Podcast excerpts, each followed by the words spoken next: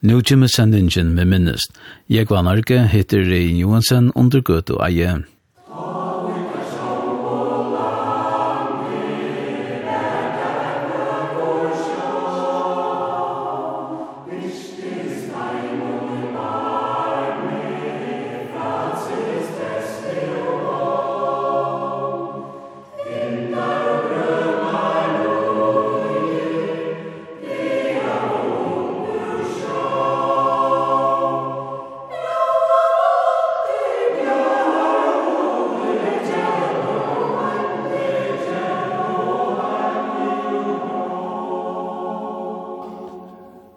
Vi tverre det at hitta muraren Regin Johansen som er føtter og oppvaksen under gøt i Eiem.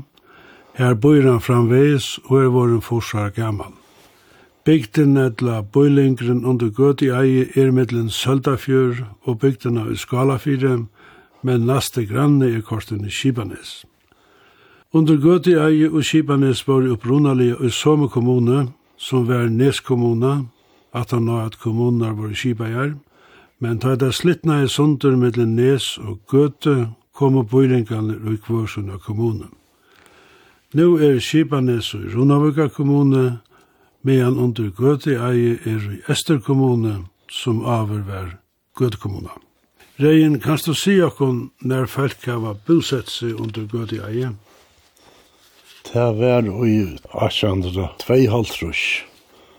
Det bosett seg av toppafløtt. Han var ur Siregøtt og hon ur Norregøtt. Hos det? Han het Johan Elisabeth Fredrikka Johansdatter. Og hon var ur? Norregøtt. Han flytt til Norregøtt.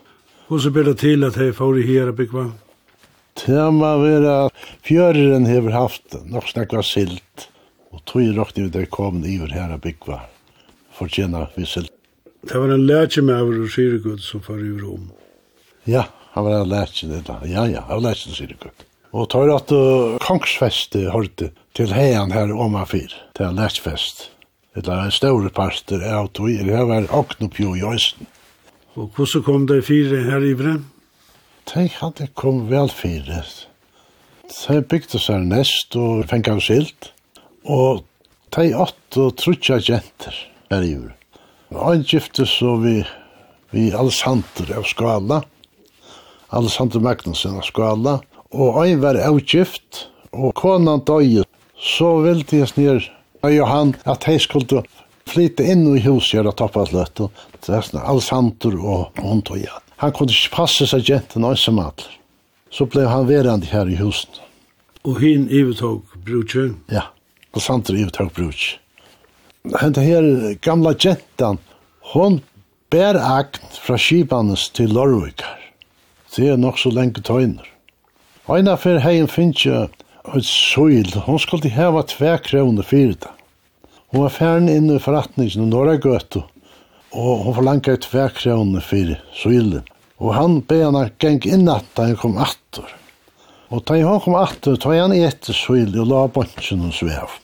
Så sette hun seg av bojen til han fikk tve kroner. Og han fikk tve kroner, og så får han attergång. Og hetta var ein gomul Jetta, ja. Hon var ur husnum og bo inn her. Alla sinna tog. Til og nu kan tro tjej tjo og i halta av januar da februar man hon tog. Du sier at um, Alexander av Skalan tog vi. Ja, Alexander Magnussen. Alexander åtte bare øyne kjent. Og det var amma Moin. Og hon gifte så vi Rasmus Urkone. Og tei åtte er rikva bøtt inne i husene. Og her var det Johan, og så Lias, og så Hanna, og så Astrid, og så halt Alexander, og så kom Cecil, og så Foya, og, og Anna. Hatta var bøtten her. Så at de husene her var ikke større. De var cirka 6 meter lengt, og gav fyra meter brøy. Så det var ikke en stor hus da, det stod om man nian. Og det var for at det skulle være plass for kunni i kjattlaren og ein og kalv. Men allikevel, i husen her så var plass for fløyre. Her kom en sistnabban hennara iver av vekse opp. Hon er med Malena fra cirka hon gyftes til Viarøyes. Og så kom Peter læreren og gøtt og i samme hus av vekse opp her og. Og han fortalte for meg, men han bor her, at det er sånn Rasmus, han skjeit grøt om han for huset her, og la ikke på ut i huset var for løyte da. Han eka i der om, han ruttla i der etter planken opp til kjølteren, for at han vekst som huset. Så huset ble 6 meter til søgnar, steg 4. Så ta ble det 6 ganger 20, utvendig mal. Han fektas opp her vid Strevestrøymer, og så fikk han lukket inn. Men du bors det som samme hos nå. Ja, og ta i så, pappa var ikke min Cecil døye. Og ta kjøpte jeg det etter arvingene hos. Det var snakk fyra ute, så jeg tar ut av nyer. Men gjør det da nok til samme stand atter. Vi som sprossa vinduene og sånt. Men så tar jeg hodges jo på i Her var et hodges bygd på i endan, og kommunen forlangte jeg skulle stitta det til det kom når i veien, nian til gamle huset kommer. her. Og det ble så stitt for mitt, han sier, bare med korda bra nia etter, så fikk jeg det helt på i. Det ble så gjørst. Og her er det så enn. Og her er godt å være? Her er godt å være, ja. Abedun, det var Rasmus ur Kone. Minnes du han? Nei. Han døg i november og i tjei tjuo. Så han minnes det ikke. Han sier, ta i tar kom og bere henne nærmere alene. Hun døg i januar mann. hun skulle bere til gøtt. Da la han sjukker. Det er sant at Han hei vært i Íslandi. Her er jeg finnst jeg vita fra en lakna i Íslandi. Det var ongen inne da jeg laknan var og vidtja han. Han hei finnes beskjed om at han skulle halda fri. For jeg ble fruskeratt. Men det kundi han ikke, han hei snakk på Og han la så sjuk og nok så lunch og så er det hett her skjer at svikarintan døyr. Og ta i tar kom etter henne, ta sier han vitt tar som kom bera. Ja, det kommer kjøtt etter mer. Men han døg ikkje før nå i november måned, og takk slapp han i bil. Hør alle godt. Og platt han av i Osland, den? Ja, ja, ja, han rev ut i Osland, og han rev ut i Gøtt, og dreier seg henter ikke døgn. Rev ut i Tøyne Gøtt. Høyna for, at han var leipen vi akne i heim til Gøtt, da sette han fra seg her vi Øyra Grøtes. Og med av og tjekk at han fyrir igjen, og han fyrir så leipest og etter. Så han tjekk om at Trias, jeg henter ikke for nye at vi inn etter leipen. Men hon kan inte finna att vita vad det som är er med sagt via. Nå er det om han må ta i og troje fjøret, Kona Rasmus. Så henne minnes jeg heldre ikke. Det er jo heldre flere hus her nu enn det var. Ja, ta i altså, jeg var født her. Ta vore, ta første sossen som kom her, ta var Johan, farbror. Han bygde, det kallet han Midtlingeren. Og så hever papen min bygd, og så kom Edvard a bytja omanfyrir, Og så Andreas Paulsen nianfyrir. Og så bjett i hakan av bytja, men det stekka i. Og så kom Hendrik i Norragøtt, Hendrik Johansen Noragut og bygde jo en hus ferdig. Men han kom omgang til ut. Og så bygde Jekva Mikkelsen ser en hus ved søgene av vatten. Men han flottet så skalar selv til husen til alla Jakob Bodjan, og han har så selv det til Johan Farbror. Og så kommer Jan Paulsen og pitcher øyn i hus. Han var sånn Andreas. Og så pitcher jeg, jeg var sånn Alessander. Og så pitcher Oskar, sånn Andreas, ser øyn i hus. Hatt det så rettjande husen her under Gøtøy. i. Hei, men klar, og Ola Johansson, Jekvann, jeg toppa flutt. Jeg glemte Jekvann. Jekvann bygde i 6,5 Han arbeidet kjassev. Hvordan er det så husene? Det er tølv alltid. Ja, det øyne huset her, det sier ikke.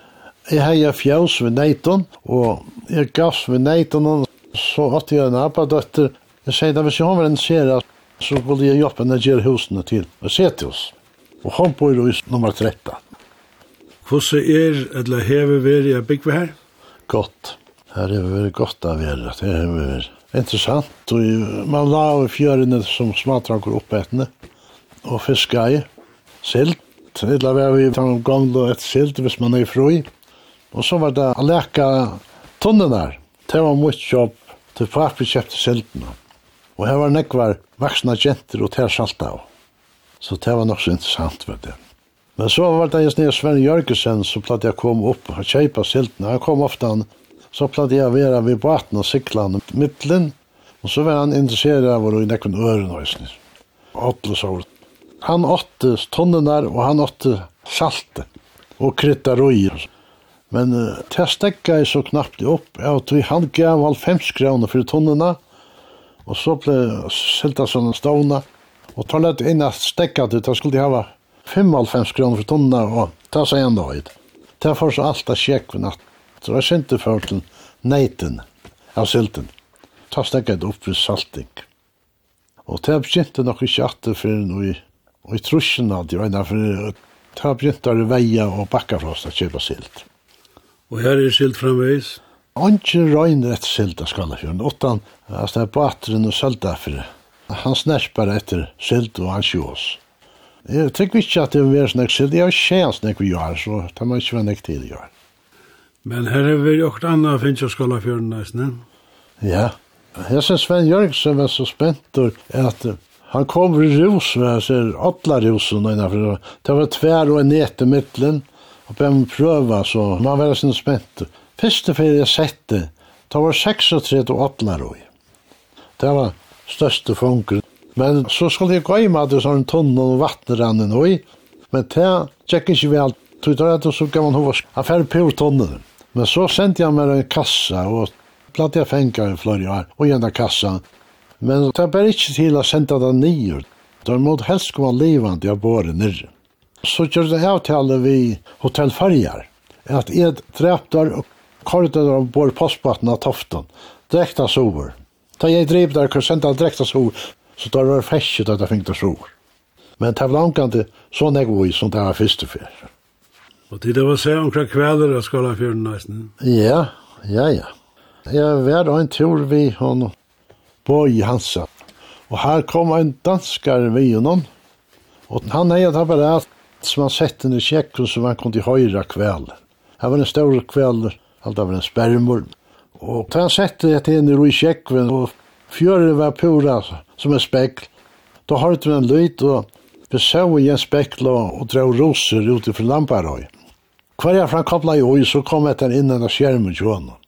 Men så en av så nu få fætre kvelden, og ta var han inn i Skallafyr. en av trutja kilometer fra kunde här alloj. Ta jag i, så hørte vi den her. Han er i samband vi åker og ta jag var som han åt och först. Ta det Josh ut att ta kan av han, ta jeg så kom så og vi har fått støttene. Boje hei apparat og häst ner med hon hei ut. Och kamera. Og det var så läs att kvällen kommer opp, Da måtte være en akka var hundra meter fra åkken, et eller sin stittre. Og han kommer svimmig av det. Han var ikke mer enn jeg var skatt 20 meter fra baten. Og hver jeg var benknet, det var vid atler alltid, tog jeg.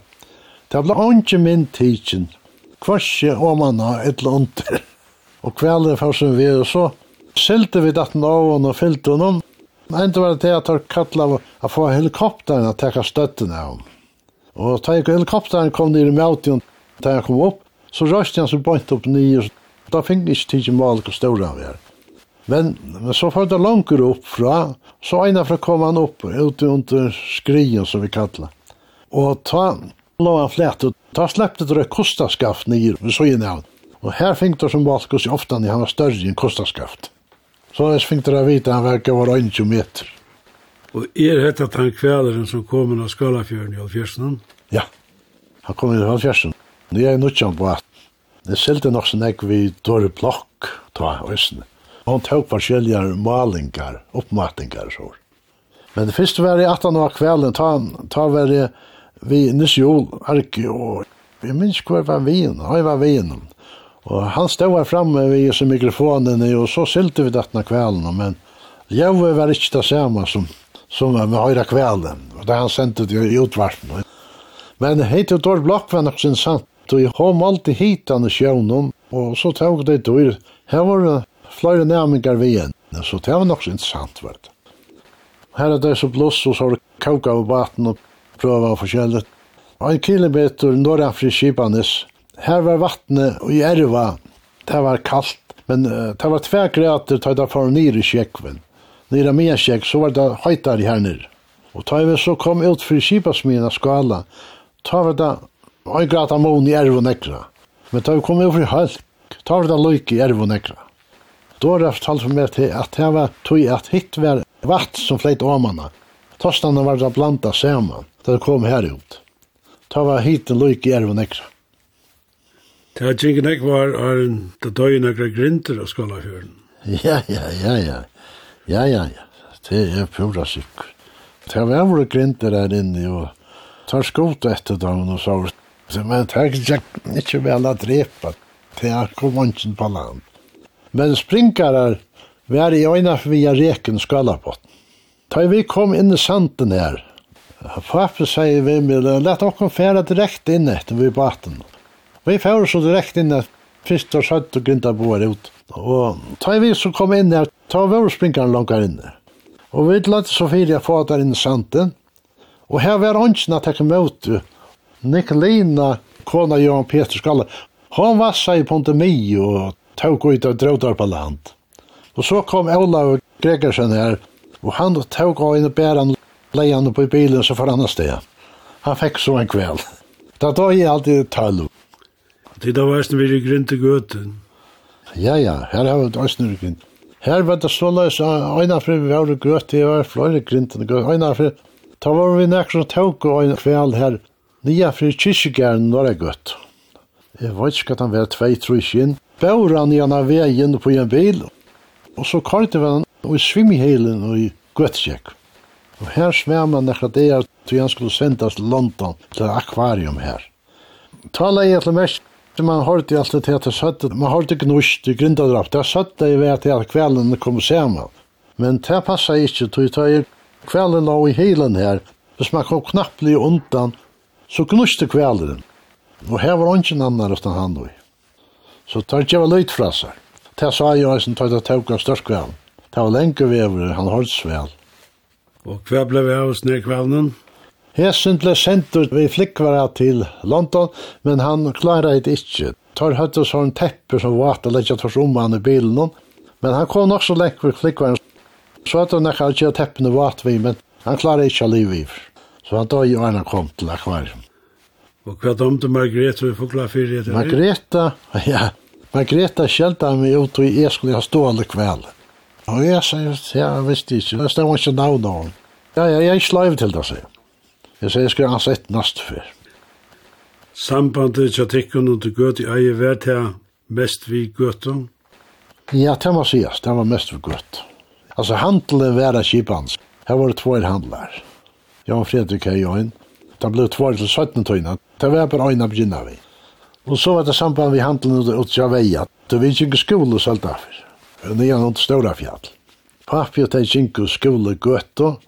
Han sier korta når vi skulle fjall gøtta.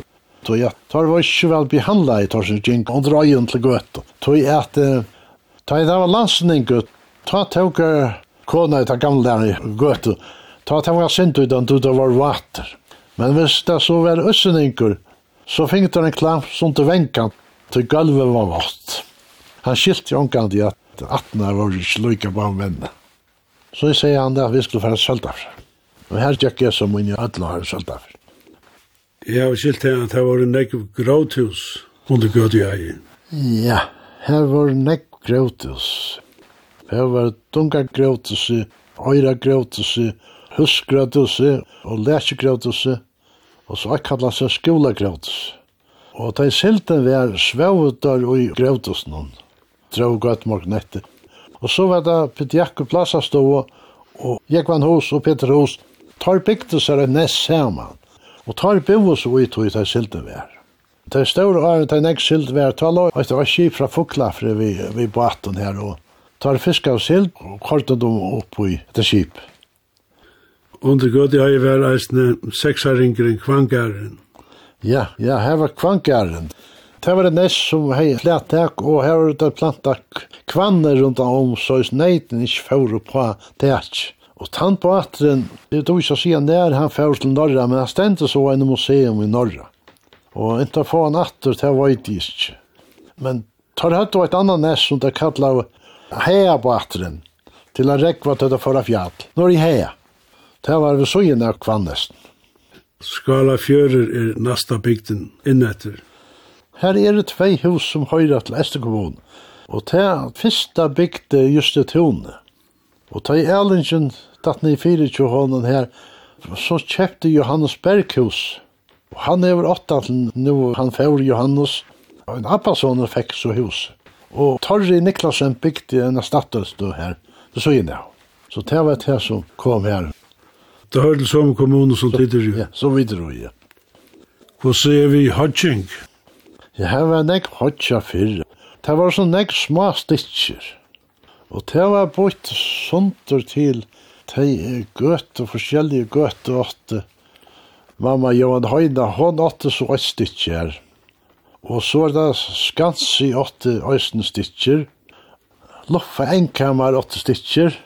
Og Paul Andreas åtte stitcher. Paula Ratt, åtte stikker.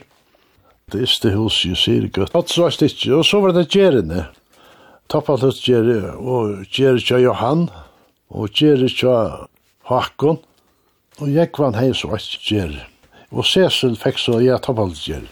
Og papi hei så åtte omar for veien, omar for Gjerene, og Andreas Gutta stod hei åtte. Og Edvard hei åtte omar for Jøysen. De ble så hodja at jeg var smadran, stikken til som var velt av dem.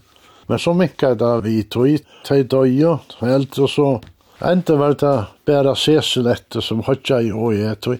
Jeg har ju nejt, så jeg måtte hodja. Jag har ju nejt till i 2000. Da fikk en skjer lendanar som måtte gjevast, ellers hodja i stikken i åisen i grautgjer, det er kallat teplat i hodja fast. Så man fikk hodja nekva stan just. Og jeg hodja i syregøtt åisen, så pallan ur hus, då jeg passa i sildra gjørgjom det han ble gammel. Altså, fortell jeg synder om neita bruker kjøver. Jeg heier så neit, og så heier stikker som jeg heier neiten jo. Jeg heier kjere, og det kunne genge ut og inn.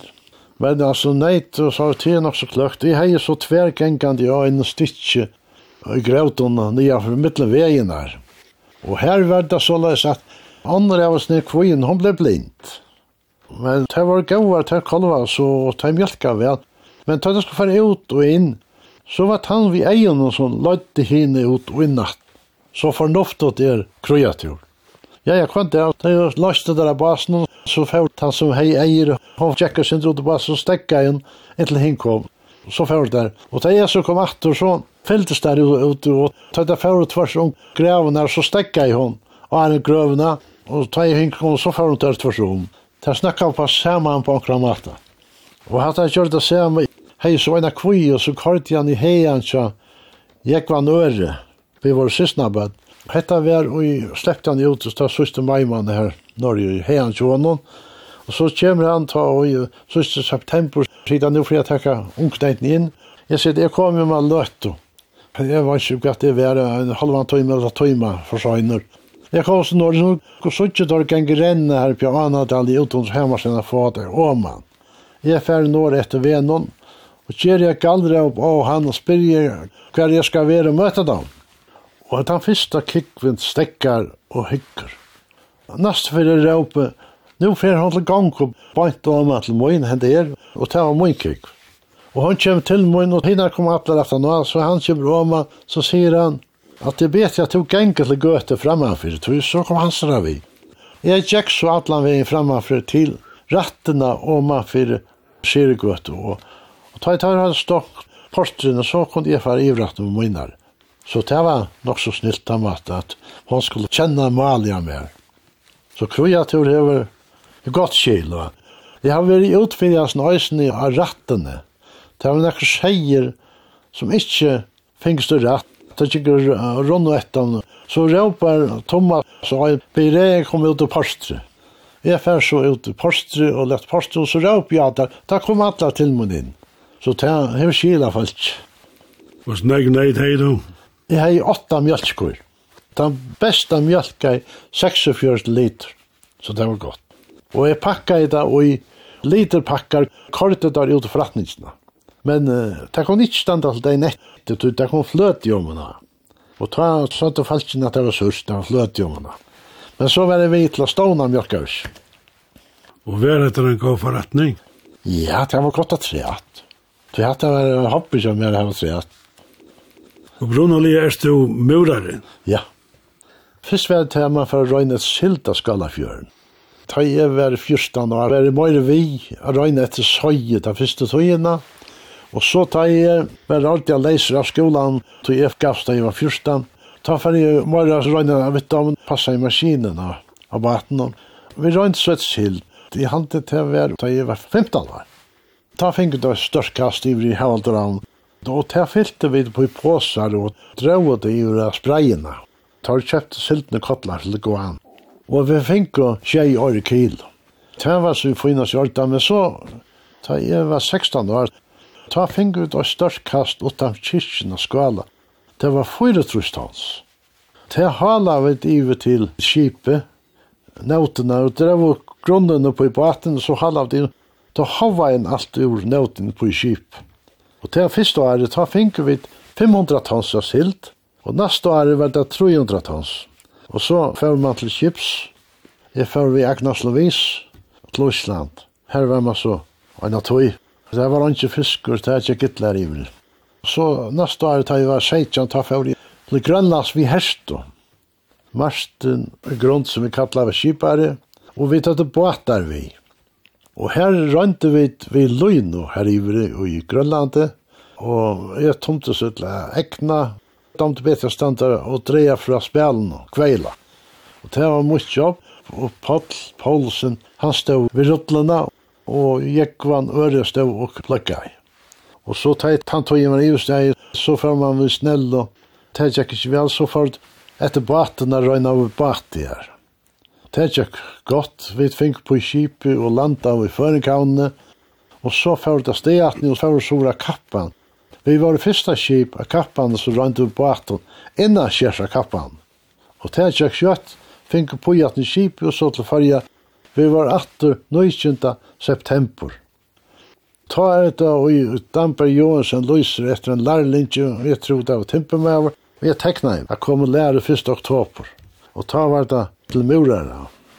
Ja, ja, jeg arbeid med betong, jeg platt jeg blanda seg av pappan til han stoppte, så jeg kjente betong. Så han var skavmekkaren og gøtt, og så det var ikke pass.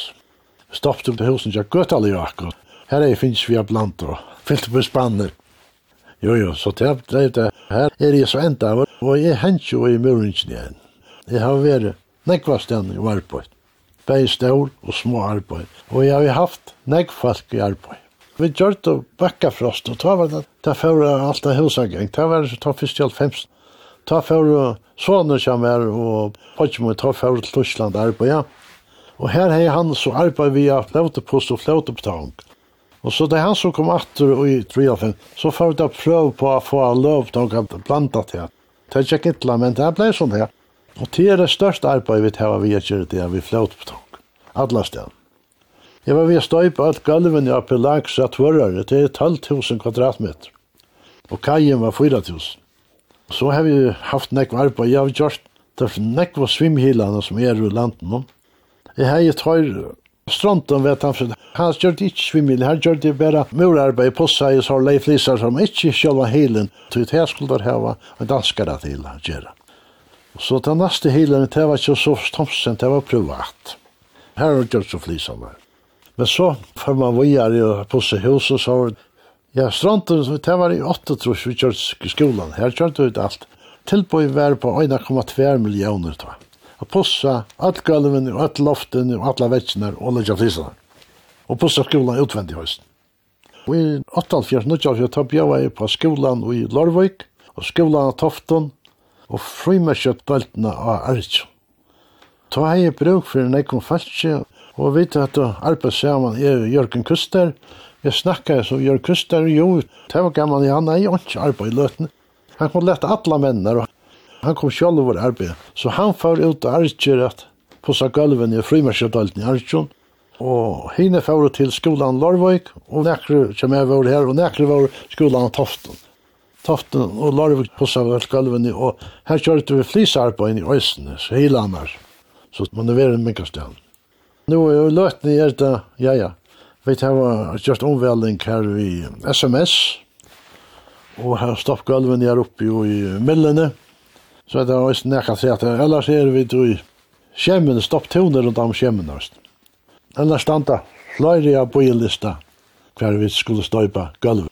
Vi stoppte et gulv og garasje og sørste där. Och i Sandavai. Og så stoppte en i huset i havnet, og et petti i mellom. Og så vi sant, det stoppte Borgmarstein her, firmeren, sånn. Så vi tar en nekk vi har støyp. Stedt drakket og boi her. Jo, jo, vi var røysene til at det her ble gjørst. Ferkele var en kjønnorren og ta det her og. Kajen og en jonte dekken her, ta halva av den slagt, så, så tær i skulle henge og hatt. Og her er størst plass, man kan ikke opprette og alt jonte. er lemmene som er oppe nye her. Men hesten her maten som tar lærte først i 15 nere i Tyskland, ja. hva er det moderen av tog? Jo, her lærte, ja, her lærte det til at de brukte ikke nek vatt, de brukte nek væske kvar i stein steinfyrir, så flyttet det ut sjalt, det hjelper på det. Vi stoppte nek var kajer og æren for de alle store byggfjellet, så vi var der eneste som hadde vakuumanlegg. Vi stoppte og så så vi vattnet i jord, og så kom man gengå at det er etter 20 minutter. Og det var så tungt arbeid, og man måste stuka til vi vibratorer. Det var strev i arbeid. Men så kom et her, nå stendte man opprett til alt. Man passar nästan inte gulv i hand till det. Man stöter ur pumpen og så kan dra in vid läsaren och, och en slattar. Och det er ikke vel. Det er en större mån. Hvordan er folk hur du i arbeid? I Löt ner vi bare bara tror. Där jag var mest var vi oppi nøkker tjo. Og det var ikke rikka bedre jeg har vært varit tror innan jag var 20 och tror at Det var bet i arbeidet, og man får mer på sjur. Og jeg så tror jeg hva gjør det? Til sjolvor, og så såneren, og så en appadøtt. Så til familiefyrtek løt. Og det stender ikke av arbeid? Nei, nei, nei, nei, så stender flere boier. Og et kajskap, så når kvanna sånne boier, og en tusen koner, og her flere i havn. Den yngste papasysteren tjattar, hun er Anna, og hun får av landet henne. Ja, hon fører av landen, og nå minnes ikke nærmere fører av landen. Var du, åkt var til at han Tommy, med avrennere. Han var alltid her inne i kjokken. Og så ble jeg alltid båret. Så jeg var i høyna sesongen, nå i fengt og tog, eller tvei, åtte var det tvei, så ble han alltid av bera meg. Men det som jeg minnes til Tommy, det var til at han tjekk alltid levejakka. Og så tjekk han ut av kipanis norra sjøyna, og han kava i til her. Men jeg så han ikke kom opp at. Det var til han svæm sår om neset kom så opp at sånn av. Men han ble via ved til alle kall. ja, ja. Så fikk han en døtter vi faste fastemunare, Rosmarie Øytron, og hun er åtte er yngre Så ble jeg fornærmet av sjålandet, tror jeg. Ta for han å bære henne. Hun er født i 34. Og Rosmarie var så her oppe i fargen, tror jeg tror selv. Da bor hun til å få inn i øyre godt, og arbeidet jeg klattene hvis noe er godt. Men det var så strøyt til å ta tøymene hevane her, tog jeg til skulle møte sysselmaskatørene en av vikene. Så hun får steg at nu, mamma når kom til heim, det er alltid var øynes for hun var i färgen med trus trus, etter hun var fær i färgen. Men til døtrene, Polina, hun var så smakjent, og hun og Cecil kom heim til trus vi mamma. og til vi i talv. Ta ringte hun ena frem, det var en fotbollsdyster her i färgen og spurte hver de øre var det, hun fikk ikke fætre nek. Hon hei veri i Australien, men her hittet omkring av toft, hon teg søtta til at han rei Johansson hørte til toppalløt. Så prøver jeg å finne min adresse, så måtte jeg prøve rett. Men som jeg er dødt i åndkjeng, så jeg måtte røpa sånne hjelpe meg. Og hos nok så gav vi adressen av Kjamelen, hon har skift etter etternavn, hon i øre i åren, så sier nummeret til henne. Og det var så i ordan. Og så ringte hun at jeg kom i heim i morgen. Og hetta var akkurat om det husen jeg toppet løtte var akkurat ferdig smuja innan. Vi var bare ikke ferdig nøyde. Så sier det kona vi må ferdig nøyde i Arne og Kjem, og så slipper hun inn i husen. Og vi får så vi trille på hver hver støtte i alt var man her. Og hun kom så og var så her. Han kom mye der fra stedet at han leier det, leier kvall. Vi kort så jeg sendte rundt ved henne. Men så fikk hins systeren som bor i Australien. Hun var kommet og hentet med henne hon så ringte så att sen tror i förra att han att nu kom hon till färjan hon är med över han är att Benny Hill. Och Tejberg kom så och Paulina var ös ner så kallade de runt till och vi var ös ner koni här som farfädren kom fra eller boe og det var forskjelliga stendt hukte Det gikk aldri tvei år at ta kom han atter Benny Hill og Rosmarie og ta hette døtene vi så tar slapp av suttja landsleier, Jakob. Anna Hill, hon er ofta nja neten, synes Rosmarie er òsne, men Paulina, hon deg. Hon er ofta nja neten, òsne. Mamma daran? Anna. Er hon til? Nei, hon er deg. Begge Tommy og hon. Tommy, har vi finnst fortalt, han var vi i dunkerske, ta det ble rikner av sjekven her. Og her færa nervene til hon, færast. Tøy ble han sendt til fargjerne for å stille det av. Han har fortalt for tøymen at det ble stilla i flokkar nere i santen til det flytja av kjekven her. Og så kom en bomba og, og det var masse onka natter. Som var sloppet på sted til flimgar av sjøvn. Men nere var han sikkert fyrir sjøvn. Han kom onka til ordelig fyrir sjøvn. Hver bo i Anna? Belfast. Og hun åtte åtta bød. Det var ikke heit jo. Nei, det er stav rikva. Tid uh, under gøy jeg har ångt i hei borgarstjóran i Gøte kommune. Ja, vi tar åtta han uh, Jekvann farbrevur, Sjæte kommune i Fløyri her, som var med. Jeg satt i kyrkjerannen, og jeg tog jeg satt nekvar i skolekommisjonen. Men jeg satt i kyrkjerannen, og i Gøte, så snakk om for å bytja en kyrkjø. Og ta sig sier Torsten Bedøv med Gøte, men få honka til nekra nutja kyrkjø. Jeg sier, boja nu, jeg skal få snakka vi arkitektene, for de ikke kan få dere å tekna henne. Jeg gikk så rundt til alle arkitektene, og vi fikk å fyra oppskott. Det var nok så interessant. Og det var alle samme sted. Det grunnstyrt hadde vi finnet fra en, mann i Norra Gøtto, og det var ikke jeg nok så djupt her som ble grivet. Og så var det ordnet til at jeg skulle fylle det opp at nu. Og jeg ble sett det som former i bytjenevnte for kyrkjene. Og så jeg stod fire bytjenevnte Og jeg sier, vi får ikke fylle det opp, heldig støype en kjattler rundt denne, og det måtte jeg så færre kyrkjøra jeg få det gautekka. Og det er tjekk, fikk det kjøkkenen, og det er et viktigste plass i kyrkjen i det. Så at jeg var stått til at jeg kom kjøkken. Men da jeg så norskast jeg var ferdig, så hadde jeg så hova skumpa mjøse sindri ut. Så det var vel alle røye. Men da kjekk jeg sindri fring, tannvatt at vi fikk tilbøyne fra forskjellige, det var lastbitsfellet som åtta laksta. Og det var gav 4 miljoner. Så nu tjattlaren kommer att trea, så nu blev det att det inte dyrar. Og så måtte man för samla pengar inn, og jeg røste så landet rundt ved en buss, og, og hei nakra kjente vimmar. Og vi var Sore og Sante og Vavon, og til vi var alla stanna vel med uttrykte. Og hinne tog så piknar her og några kjammar. Vi fikk så fyra miljoner inn, og til han gjør det så vi kom bytja synd langt. Jeg sier så vi versfrøys som hei steg i fyrir atlas nere. Så nu ble det, ja, vi visste det, hvis vi kjøtte vi så bøylig, så var hun ikke gongt. jo, jo, hun ble så ferdig, jeg halte hun kom opp på 20 millioner til hun var ferdig. Men hun er opptatt, så det er godt. Men tar var landet dyr. Hun ble gjort så at hun skulle kunne bruke. Tjattlaren halte var øyelig viktig å få at rett. Det ser man nu 18 år. Så gjørs det noe gjerne for er bægi tja baptisten og hinn, så vi brukar det i bægi hosene. Katalar og skjermar stand i middelen. Bægi erv og nekra, for jeg kunne teka til fölksen. Og så hevda køk og nekra hosene. Så det er godt. Regin, du er til å fors, og du arbeider fremveis. Ja, ja, jeg er vi til sløypingarna, men ikke sånn jeg var litt jatlisanar, tog jeg. Det var ikke jeg sinte tinkri jeg kom på oppa til galvun. Og så jeg har vært vi til sløypa, tog jeg tar berg som tangslangt. Og det er døylet, det er godt for her andre ber. Fjettet for meg selv var nå i Trujetrus i oktober. Det Tilfell som jeg kjøpte til, det var fra Baslev og Gås. Det var det var nere i kajen. Så det er nok rar siden. Det var det første Trujetrus. Stoppte kajen når i klagsvig, for jeg kan gjøre noe. Alt her som tettene han grete. Jeg kan gjøre lov da vi hadde arbeid, og jeg fikk så begynne å komme når det støype her.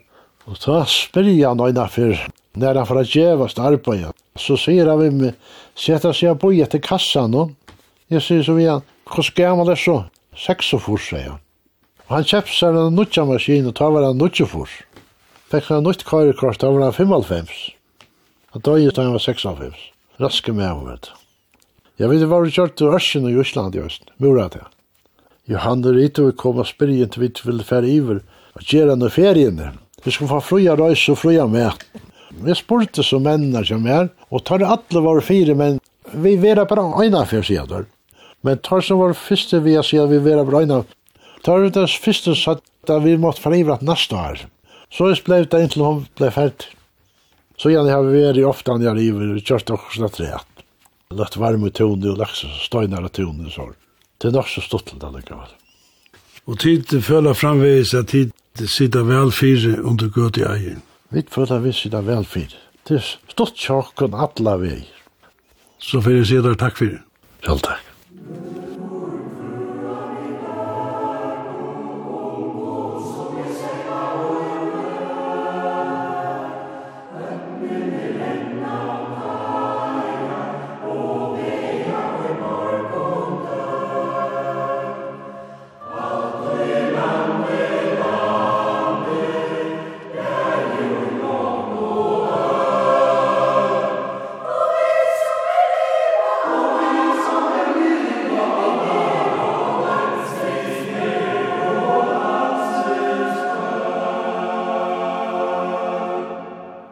Hatta var sendingen med minnest. Jeg var narge, hittir Rein Johansen under gøt og eie